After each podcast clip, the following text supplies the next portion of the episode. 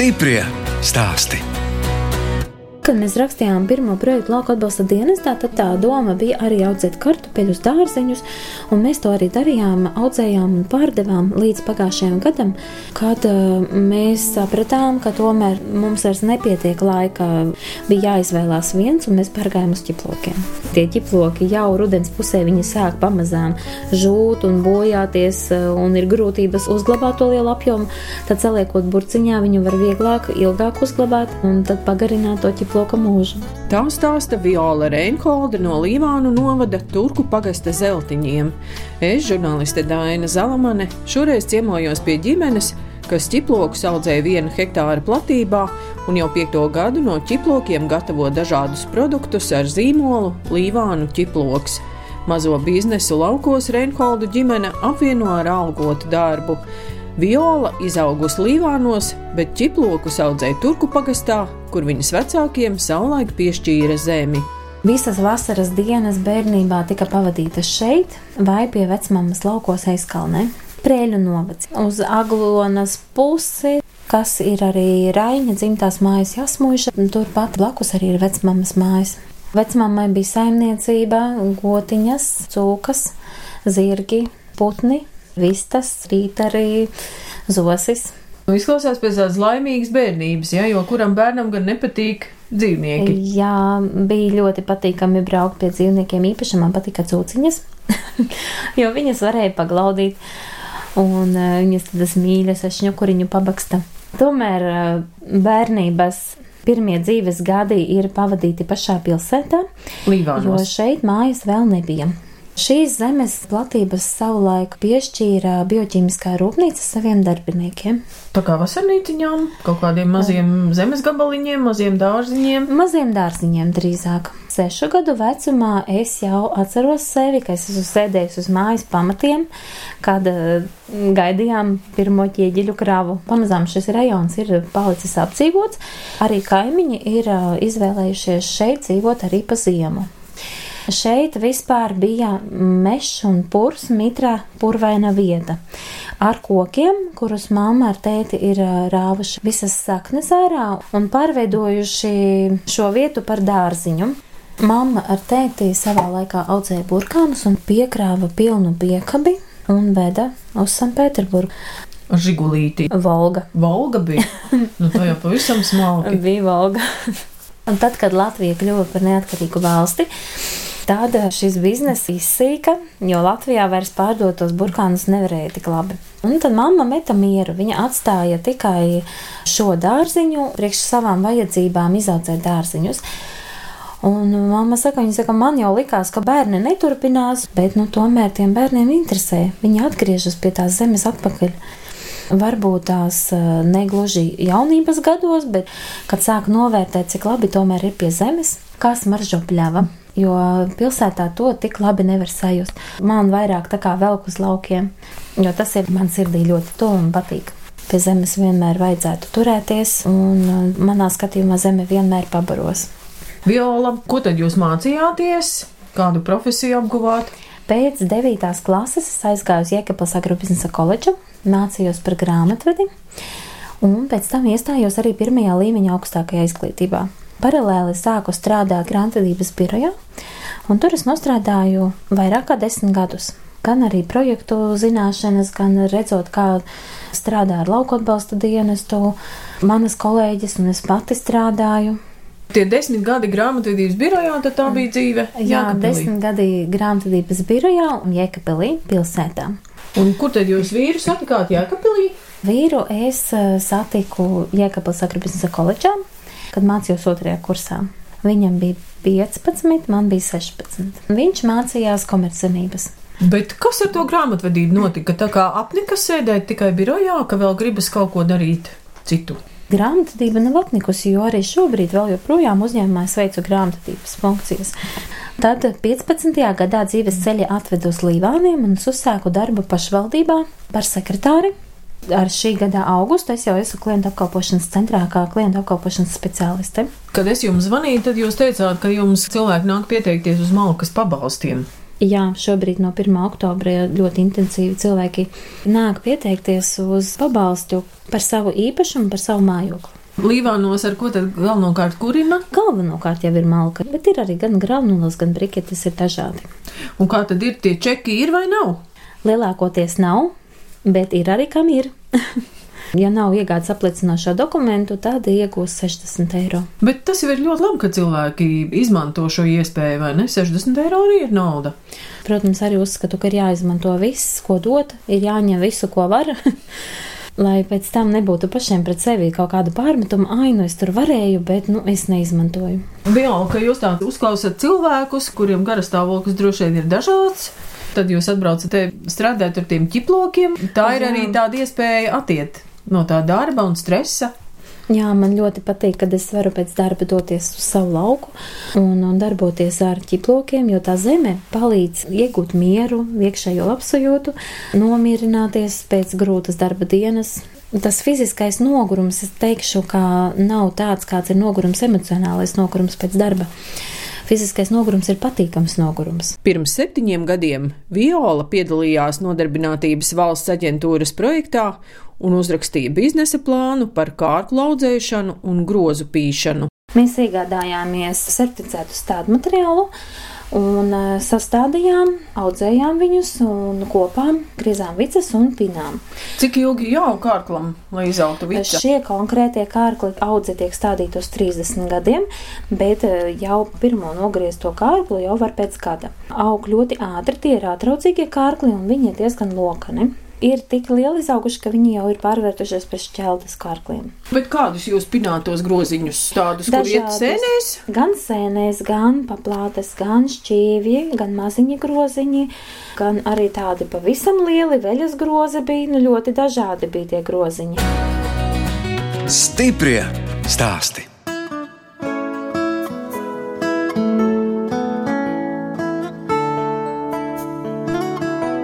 Jūs klausāties raidījumu stipri stāstī. Turpinu ciemoties pie Violas Reinholdes Līvānu novadā. Turku pagasta zeltiņos saimniekiem pieder desmit hektāri zemes un meža. Tirgojot grozus, saimnieki uz tirgu ņēma līdzi arī dārzeņus un ievēroja, ka cilvēki ļoti labprāt pērk arī ķiplokus. Tagad saimnieki ķiplokus audzē vienu hektāru platībā un jau piekto gadu ražo dažādus produktus ar zīmolu Līvānu ķiploks. Saimniecībā izveidota arī neliela ražotne. Šī ir mūsu tā telpiņa, kur darbojas. Telpiņa ir tik liela, cik viņa ir. Šī nav kādreiz bijusi pirtiņa. Jā, tā bija pirtiņa un tika pārveidota par eh, ražošanas telpu, jo tomēr eh, augot apjomam savā istabas virtuvē ir diezgan grūti. Tomēr ķiplokiem ir tā smarža diezgan asa. Mums netraucē, mums ļoti patīk ķiploku smarža. Domājot par ķiploku pārstrādi, saimnieki atcerējušies kādu savā ģimenē iecienītu vecmāmiņas recepti. Vecmāmiņa mums arī bija gatavojusi ķiploku ziedu pastu, kas arī mums pašiem ļoti patikās. Kaut kas līdzīgs pesto. Jā, tikai pesto ir šķidrāks, bet ziedu pasta ir mazliet biezāka. To recepti, ko vecmāmiņa mums gatavoja, pārunājot ar pārtikas veterinārā dienesta pārstāvjiem, mēs sapratām, ka mēs nevarēsim piedāvāt. Ķiploku ziedu pastu ražo vienreiz gadā, un tā ķiploku ziedu pasta bija ar speķi pārtikas veterinārijam dienestam mēs viņu pierādīt nevaram šo termiņu. Viņš ir īss, tikai divas nedēļas, un būtībā produktu, lai saražot lielākā apjomā vienreiz gadā, nu, nav prātīgi. Pārunāt ar pārtikas veterinārā dienestā pārstāvjiem, viņa man arī jautāja, cik tad mēs plānojam saražot pirmajā gadā. Es saku, nu, iesākumā tās būtu 40 burkas, un tad viņa man jautā. Vai tiešām jūs gribat eh, sākt mairažošanu ar 40 burkām? Bet tās 40 burkas bija tikai tāds iesākums, lai saprastu, kā tas viss strādā. Pamazām mēs esam izauguši līdz viena hektāra platībai. Tas vairs nav tās 40 burkas, bet nu jau ir tapušas jau tūkstoši. Un, protams, tad, kad mēs visu sākām, tas bija viss ar rokām, roku darbs. Tomēr palielinoties gan platībai, gan apjomam, Mēs arī esam vērsušies lauku atbalsta dienestā, rakstījuši projektus, iegādājušies tehniku, dažādas augsnes apstrādes eh, iekārtas. Un arī rakstījām līderu atbalsta projektu, lai iegādātos mairažošanas tehniku. ar rokām sterilizējām burkas apmēram 2 stundu garumā, tad šobrīd to mēs varam izdarīt 3 minūšu laikā. Kur tad ir jā, šī mašīna? Ja? Šī, viņai tas princips ir pavisam savādāks nekā parastajām trauku mazgājuma mašīnām. Savukārt ķiplokus žāvēšanai, tās ir ķiploku pārslas, mēs griezām divas stundas ar rokām, un pēc otrās reizes jau jūti, ka rokas kož, un pēc divām nedēļām noiet āda. Tad šī mašīna to izdara apmēram divās minūtēs. Protams, pārtīra to visu, bet tas griešanas process ir no divām stundām uz divām minūtēm saīsināts. Kā arī Mums tas projekts ir liels ieguvums gan arī lielākiem traukiem. Iegādājušies esam 100 litrīgus katlus, var lielākas partijas veidot un vairāk var sarešot. Tagad man likās, ka mēs jau esam visus projektus beiguši. Šogad pavasarī mūs uzrunāja valsts darba inspekcija, piedāvājot iesaistīties Eiropas sociālā fonda projektā, kurā viņi veic darba vides risku izvērtēšanu, kā arī piedāvā darba aizsardzības speciālistu apmācības 60 stundu apmērā. Tas nozīmē, ka es kā vadītājs varu izmācīties un būt par darba aizsardzības speciālistu līdz pieciem cilvēkiem uzņēmumā. Tad mums jums vēl viena papildus izglītība. Ja? Jā, palielinoties, protams, visiem ražošanas apjomiem, mēs arī sākam pamazām meklēt darbiniekus. Un pavasarī mēs esam iesaistījušies Nodarbinātības valsts aģentūras subsidētās darba vietas izveidē. Izveidojām vietu invalīdam. Un uh, viņš veiksmīgi arī veic savu darbu jau piektais mēnesis iet. Šobrīd notiek Līvāna novads vāra projekta īstenošana, kur tiek uzstādīta augstuma kamera, kas dzēsēs produktu lielākā apjomā, īpaši ģiploku ziedu pasta, kas tiek ražota tieši karstākajā gada laikā. Tāda ir diezgan problēmas liels un produkts var sabojāties. Tāpēc tāpā augstuma kamera. Un kur tad viņi ir? Tepat? Ārā, tepat blakus ir. Varam Mēs varam aiziet apstīties. Viņa ir ātri saliekamā tipa māja. Mm -hmm. Šobrīd liekas, ka jau arī šī telpa būs par mazu. Cik ilgi jums jāstrādā, lai varētu atpelnīt šo mazo ražotnīti, kas te ir tagad izveidota? Mūsu skatījumā ražotnīte ir atpelnīta, jo bija līdera atbalsta projekts, kas mums sniedz atbalstu 70% apmērā, un manuprāt, ka viņa ir atpelnīta diezgan ātri. Šobrīd ir jādomā, kā atpelnīt augstumu kameru. Vēl izmaksas nav zināmas līdz galam kopējās, jo vēl notiek uzstādīšana un vēl visa ievietošana, bet summa ir lielāka nekā mazās ražotnītes summa. Par eh, projekta līdzekļiem esam iegādājušies traktoru, apstrādes augsnes iekārtas, piekavi, dažādas zemes apstrādes līdzekļus, kā arī iegādājamies ķiploku stādāmo mašīnu bet, diemžēl, šī ķiploks stādāmā mašīna mūs ļoti pievīla, jo mūsu zemē viņai nav paredzēta. Viņa ir paredzēta vieglām, smilšainām augsnēm. Mūsu zeme ir malsmilts, kas ir smagāka, un viņa strēga dambējās ciet. Tad mēs nolēmām, ka tomēr labāk ir stādīt ar rokām kartupeļu vagās kā savā laikā arī to darīja mūsu vecmāma. Tad ievērojām, ka arī stādot ar rokām, viņi izaug lielāki, kvalitatīvāki un arī mazāks ražas zudums ir. Kartupeļu tehniku mēs pielāgojam stādīšanai, kā arī lauka apstrādei.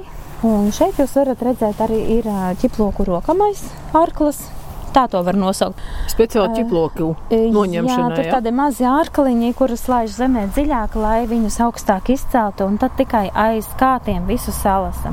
Tajā gadā, kad mums tika iestādīti pirmie hektāri, mums radās problēmas ar žāvēšanu. Tādu apjomu mums nebija iespējams izžāvēt. Un tapa šāda māja uz ātru roku. Šādās silēs un ailēs arī notika kaltēšana. Kas tas ir par materiālu? Tas ir uh, brezents. brezents. Tad jūs varat arī to brezentu uzrullēt, ja ir saulains Viņš laiks. tiek jācelt uz augšu. Lai varētu vējš cirkulēt. Caurvējā var teikt, ja? jā, jā. šobrīd ir viss nolaists un aizsists ciet, lai neplēstu māju, jo rudens vēji ir spēcīgi un viņi var sabojāt. Šeit ķiploki glabājas līdz pat mīnus 5 grādi, bet šogad rudenis ir diezgan mitrs, un tad attiecīgi viņi tiek pārcelti uz trešo stāvu visi ķiploki ir augšā. Šie ir paredzēti stādīšanai? Šie konkrētie, jā, tie jau ir stādīšanai, bet šeit augšā ir vēl visi pārstrādē, kas ir paredzēti ražot burciņās. Šī bija tēta ideja. Tētis parei, atrada pareizo vietu, kur vislabāk vējš cirkulētu. Un par cik mēs esam meža ielokā, tad šis izvietojums ir vislabākais. Un kādas šķirnes ķiplokus jūs audzējat? Bija trīs šovasar - leņu violetie, ziemas agrie un ļubaša. Mēs pamazām pārējām uz ļubašu, jo mums tā iekārtas, ko mēs esam iegādājušies, ir vajadzīgas lielākas daivas. Ar mazām daivām ir diezgan grūti. Bet izskatījās, ka tie visi ir tie saucamie ziemas ķiploki. Jā, tas, ko jūs redzējāt, tā ir tikai ļubaša. Bet tad ir jums arī vasaras šķirnes? Ir mums arī vasaras šķirne, bet vasaras šķirne vai nu izaug ļoti, ļoti mazi, vai nu neaug vispār. Un paliek celteni. Un viss, un viņš nenogatavojas. Savukārt vecmāmai Viņi aug lieli, skaisti.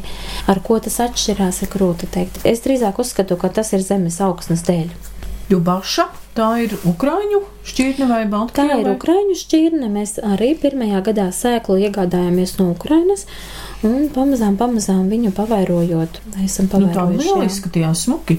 Pagājušajā gadā noslēdzām arī sadarbības līgumu ar citu saimniecību no Daugavpils novada, jo to apjomu, ko mēs paši izaudzējumi mums vairs nepietiek, un mums vajadzēja palielināt apjomus. Mums ir sadarbības partneris, zināmi cilvēki, kas piegādā mums savus izaudzētos ķiplokus pēc mūsu prasībām. Un audzējot, kas ir tās gudrības, ko jūs ievērojat? Ļoti svarīgi ir iestādīt pareizā laikā. Tas ir jādara vecajā mēnesī, mēs sākam stādīt vecajā mēnesī, un tad turpinām, kamēr pabeidzam. Tik lielā platībā vairs ar virsmu nomēslot ir ļoti grūti, tagad galvenokārt ar zemēslojumu strādājam. Tiklīdz tiek novākta ķiploku raža, tiek sēts rapsis, ripsis vai rudzi. Un pirms ķiploku stādīšanas viņš tiek malts zemē atpakaļ. Netiek viņi izaudzēti līdz galam, netiek graža novākta, bet viņi tiek malti zemē atpakaļ iekšā. Bet to jūs darat ar tehniku? Ar tehniku, jā. Un tas saucās zeļmēslojums, kas bagātina augsni paši uzskatām, ka jāaudzē ir tā, lai tev pašam būtu prieks un pašam patiktu arī to produktu pēc tam lietot. Un tādus kā minerālu mēs, mēs neizmantojam, un mēs visu darām tā kā bioloģiskā saimniecība. Oficiālu statusu neiegūstam tikai ar tādu nosacījumu, ka ļoti daudz dokumentu jākārto un ir ļoti daudz pārbaušu. Šis atbalsts ir vienādā līmenī atbalsts ar saistītu atbalstu dārziņiem. Līdz ar to, vai man vajag vēl uzņemties papildus dokumentu kārtošanu, es domāju, ka pagaidām nē. Garšvielas un piedevas maksimāli audzējam paši. Mums ir siltumnīca priekšķelī, kā arī tepat pie mājas dārziņā tiek audzētas gan rautenes, gan baziliki, gan pētersīļi. Pietiek pilnīgi ar vienu reizi pavasarī iesēju, un tad līdz vēlam rudenim var viņus novākt. No ķiplokiem Turku pagasta zeltiņos top daudzi produkti, un tie saņēmuši arī medaļas konkursā Novada garša. Asumiņš ir gatavots no paša ķiploka, klasiskais, ar dillēm, ar origāno, ar baziliku, ar pētersīļiem, sīpolokiem, čili. Vairāk piedevā gaļām, zivīm. Būtībā visur, kur lieka ķiploku, tur var likt arī šo. Tad ir uh, sešu veidu ziedu pastas. Mums izdevies šogad ir saražot arī ķiploku pārslas. Par to iekārtu, kur stāstīju, ka var sagriezt, tad šis ir tas gala produkts. Bet kam ir domāts ķiploku pārslas? Galvenokārt žāvējumiem, svaigajām desām, ko taisa. Tas ir tās gaļas desas mednieki, ko taisa. Ļoti garšīgi ir zupām, mērcītēm un ar dažādiem marinējumiem. Ķiploku pulveri mēs taisām no tām pašām pārslām, bet pulveris ir tomēr iecienītāks iedzīvotāju vidū. Pagājušajā gadā tapa pavisam jauna garša. Mēs bijām uh, apslimuši. Covid laikā mēs šķirstījām vecmāmiņas receptes un uh, uzgājām uz tādu ļoti foršu klepus recepti. tad, uzlabojot, papildinot, ir tapusi zelta kolekcija ar cidonijām, smilcērkšķiem un zērvenēm. Tur ir arī, protams, ķiploks. Lielākā daļa tur ir ķiploka. Sastāvā ir arī medus, bet viņš ir unikāls ar to, ka visas izēvielas nāk tikai no Līvāna novada. Šovasar papildināt ar jāņogu un upeni. Un tad priekšā Riga Food tāpā arī jauna kolekcija, kā meža kolekcijā, kurā ir um, meža ogas, kazane, melene un lācene.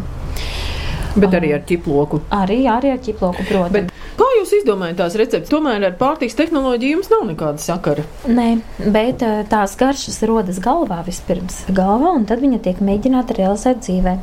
Izstāstiet, par ko tad jūs dabūjāt novadu garšas medaļas? Šogad mēs piedalījāmies ar uh, vairākiem produktiem. Asamiņš klasiskais ieguva bronzu, bet savukārt meža kolekcijas kazani ieguva sudrabu.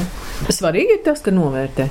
Jā, protams, tas arī manā skatījumā arī palīdz arī produktu pārdot labāk, kā arī pacelt arī līmeni pašam uzņēmumam un arī prestižs. Covid laikā saimnieki izveidoja interneta veikalu, kas ļāva arī ierobežojuma laikā iztirgot produkciju. Arī šobrīd ir ļoti aktīvi cilvēki iegādājas produktus internetu veikalā. Tomēr eh, mums tā kā liekas pašiem, ka labāk ir tajos tirdziņos, jo cilvēks var atnākt uz vietas, pataustīt, apskatīties, kā tas ir. Galvenais. Arī pagaršot ir iespējams. Un cik gadiem vēl jāpaiet, lai jums vairs nebūtu uz to klientu apkalpošanas centru jāiet darbā, ka jūs varētu darboties ar ķiplokiem? To ir grūti pateikt. Tas algotais darbs droši vien dod tādu stabilitāti lielāku. Jā, protams, īpaši Covid laika apstākļos. Tāpēc arī tāpēc šis internetu veikals, kuram jau ir divi gadi, meklējām dažādas internetu kompānijas, kas varētu palīdzēt mums pārdot, kā pērkam kopā. Kā jūs cilvēkiem Nu, sūtat caur pakomātiem? Jā, caur Omnivu, caur DPD sūtam, vai arī viņi braucot pa ceļam, iebrauc pie mums, paņem. Kā jūs teiktu, mazais biznesiņš? Cik tas tomēr ir svarīgs jūsu ģimenes budžetā? Es domāju, ka viņš ir ļoti svarīgs ģimenes budžetā. Palīdz gan mana ģimene, mamma, tētis, vecmāma, Emīlija. Viņai ir 87 gadi, bet uh, viņa ļoti labprāt cenšas palīdzēt mums. Un, Un ko viņa dara? Uh, viņa mums piepalīdz tīra ķiplokus vai citreiz pie kātiem palīdz apgriezt tādus vieglus pavisam darbiņus, bet manā skatījumā viņa jūtas noderīga, ka viņa savā vecumā var kaut ko palīdzēt. Stiprie stāsti.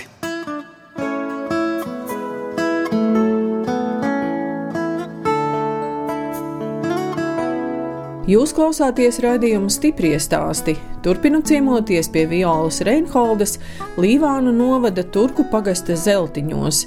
Viola kopā ar vīru Māri audzina divas meitas, Eviju un Laumu.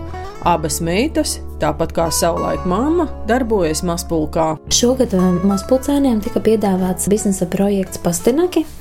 Mēs šādu dārziņu audzējām pirmo reizi. Bija ļoti liela pārsteiguma, kad vajadzēja viņu ravēt pavasarī, jo bija grūti atšķirt nezāli no tā pastinaka.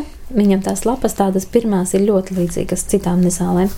Meitenes visas vasaras garumā ravēja, novēroja, pierakstīja, pētīja. Pagājušo gadu meitenes audzēja ķirbjus. Un viņām izdevās izaudzēt vislielāko ražu Latvijā.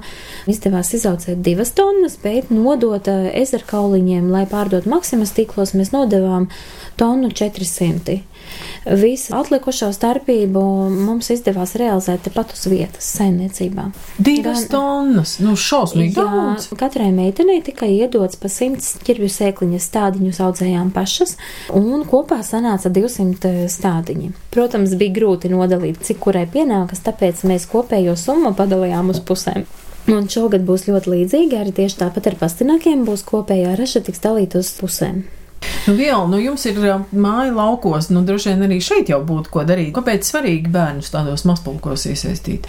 lai viņš mācītos strādāt, lai viņš saprot, ka tas nenāk tik viegli, kā liekas. Nu, ka visur vajag darbu, jā. jā, ka visur ir nepieciešams darbs. Nu, ja meitas tur izaudzē divas tonnas ķirbju, vai tad viņām vispār atliek laiks arī kaut ko tajā ķiploku jomā padarīt, palīdzēt jums? Atliek laiks, palīdz uz laukā gan ravēt, gan arī palīdz laust ziedus. ķiploku ziedu pastu ražo vienu reizi gadā, un tā šogad bija viena nedēļa. Būtībā vislabākās dienas bija piecas, kāda var lauzt ziedus, un tad ir vajadzīga jebkura palīdzīga roka. Un arī meitenes mums devās palīdzēt. Un tad, kad nav tie lauku darbi, ko tad meitas vēl dara? Ziemā jau ir skola, mācības. Evija man spēlē saksofonu, Lauma spēlē flautu. Un arī šim instrumentam ir jāvelta diezgan daudz laika, un tad no nu, attiecīgi ziemas perioda aiziet eh, mācoties gan saksofonu, gan flautu. Viņas ir iesaistītas arī mākslas skolā, jo Laumai ļoti patīk zīmēt. Savukārt, par cik mēs dzīvojam pat tālu no mākslas skolas, tad arī vecākā māsa uzsāka mācības mākslas skolā, lai būtu vieglāk mazajai māsai iet uz mājām. Nu, cik mīļi! Jā. Violi izstāstīt, un Mārim kāds tad ir tas darba ritms? Māris ir galvenokārt ceļā. Viņš brauc ar smago kravas automašīnu un uh, strādā DSV loģistika kompānijā. Dažādi pasūtījumi ir arī izbrauc uz Lietuvu, uz Igauniju, ja ir nepieciešams, tad brauc arī uz Somiju vai Zviedriju. Un cik daudz tad viņš jums var palīdzēt? Nu, galvenokārt tās ir brīvdienas. Bet ko jums pašai vēl patīk darīt bez darba, bez ķiplokiem? Laika vairāk nepietiek nekam citam. nu, savā laikā man gan patika gan dziedāt, gan dambriti spēlēt. Bet šobrīd uh, tam vairs laika nepietiek. Pietiek tiešām tikai tik daudz, cik uzņēmumam, ķiplokiem, bet pašā brīvajā brīdī var teikt, ka tas ir naktī.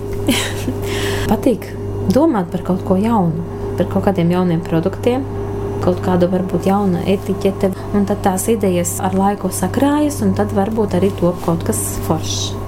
Ziemā, tad, kad jau ir klusāks periods, nu, mēs esam sākuši kaut kur paceļot, aizbraukt, kaut ko apskatīties. Var jau ceļot eh, tepat pa Latviju, var ceļot arī tepat uz Lietuvu, Igauniju aizceļot. Ar mašīnu. Ar mašīnu. Vīrs labs šoferis, ikdienā brauc ar smago mašīnu, tad jau ir labs šoferis. Jā, Man arī tā liekas, ka viņš ir labs šoferis. Es vēl lasīju, ka jūs piedalāties arī dažādos svētkos, ka, piemēram, šogad bija tādi ķiploku un medus svētki Daugaupilī. Nu, jūs tur vairāk tā kā tirdziņā, kā tirgotāji piedalījāties. Vairāk jā, kā tirgotāji, ķiploku medus svētki jau ir eh, kādu laiku. Un tā no 2018. gadā mēs arī pirmo reizi braucām. Svētki ir ļoti sirsnīgi. Galvenokārt mēs esam kā tirgotāji, bet šogad arī mēs veidojām dekorācijas ķiploku svētkiem. Ķiploku virtenes sējām? Jā, ķiploku virtenes sējām, fotostūrītim. Un violi jūs uzņemat arī turistus pie sevis. Jā, esam sākuši arī aicināt turistus pie sevis lai viņi var arī redzēt, ka viss tiešām ir savās mājās un uh, viss tiek darīts ar savām rokām.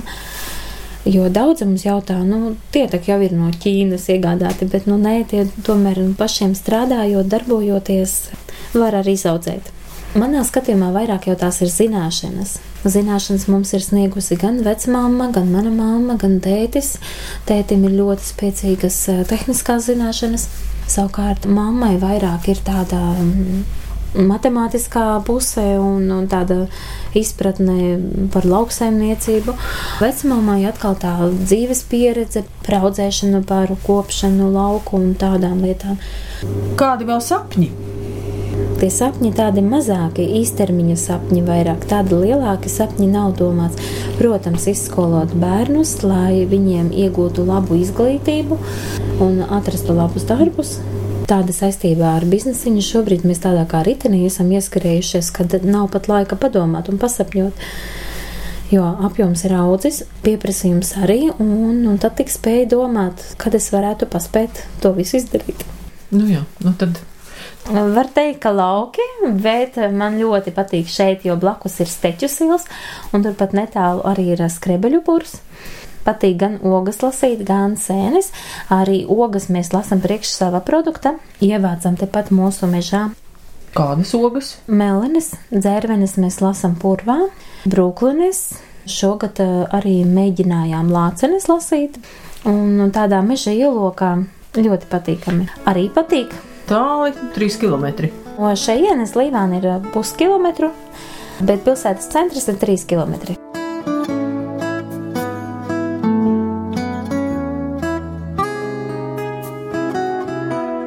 Redījums stipri stāst izskan, un mēs atvadāmies no Violas Reinholdes, kas kopā ar ģimeni Līvānu novada Turku pagastā viena hektāra platībā audzēja ķiplokus un no tiem gatavo produktus ar zīmolu Līvānu ķiploks. No jums atvedās žurnāliste Dāna Zalamane un operātore Inga Bēdele, lai tiktos atkal tieši pēc nedēļas.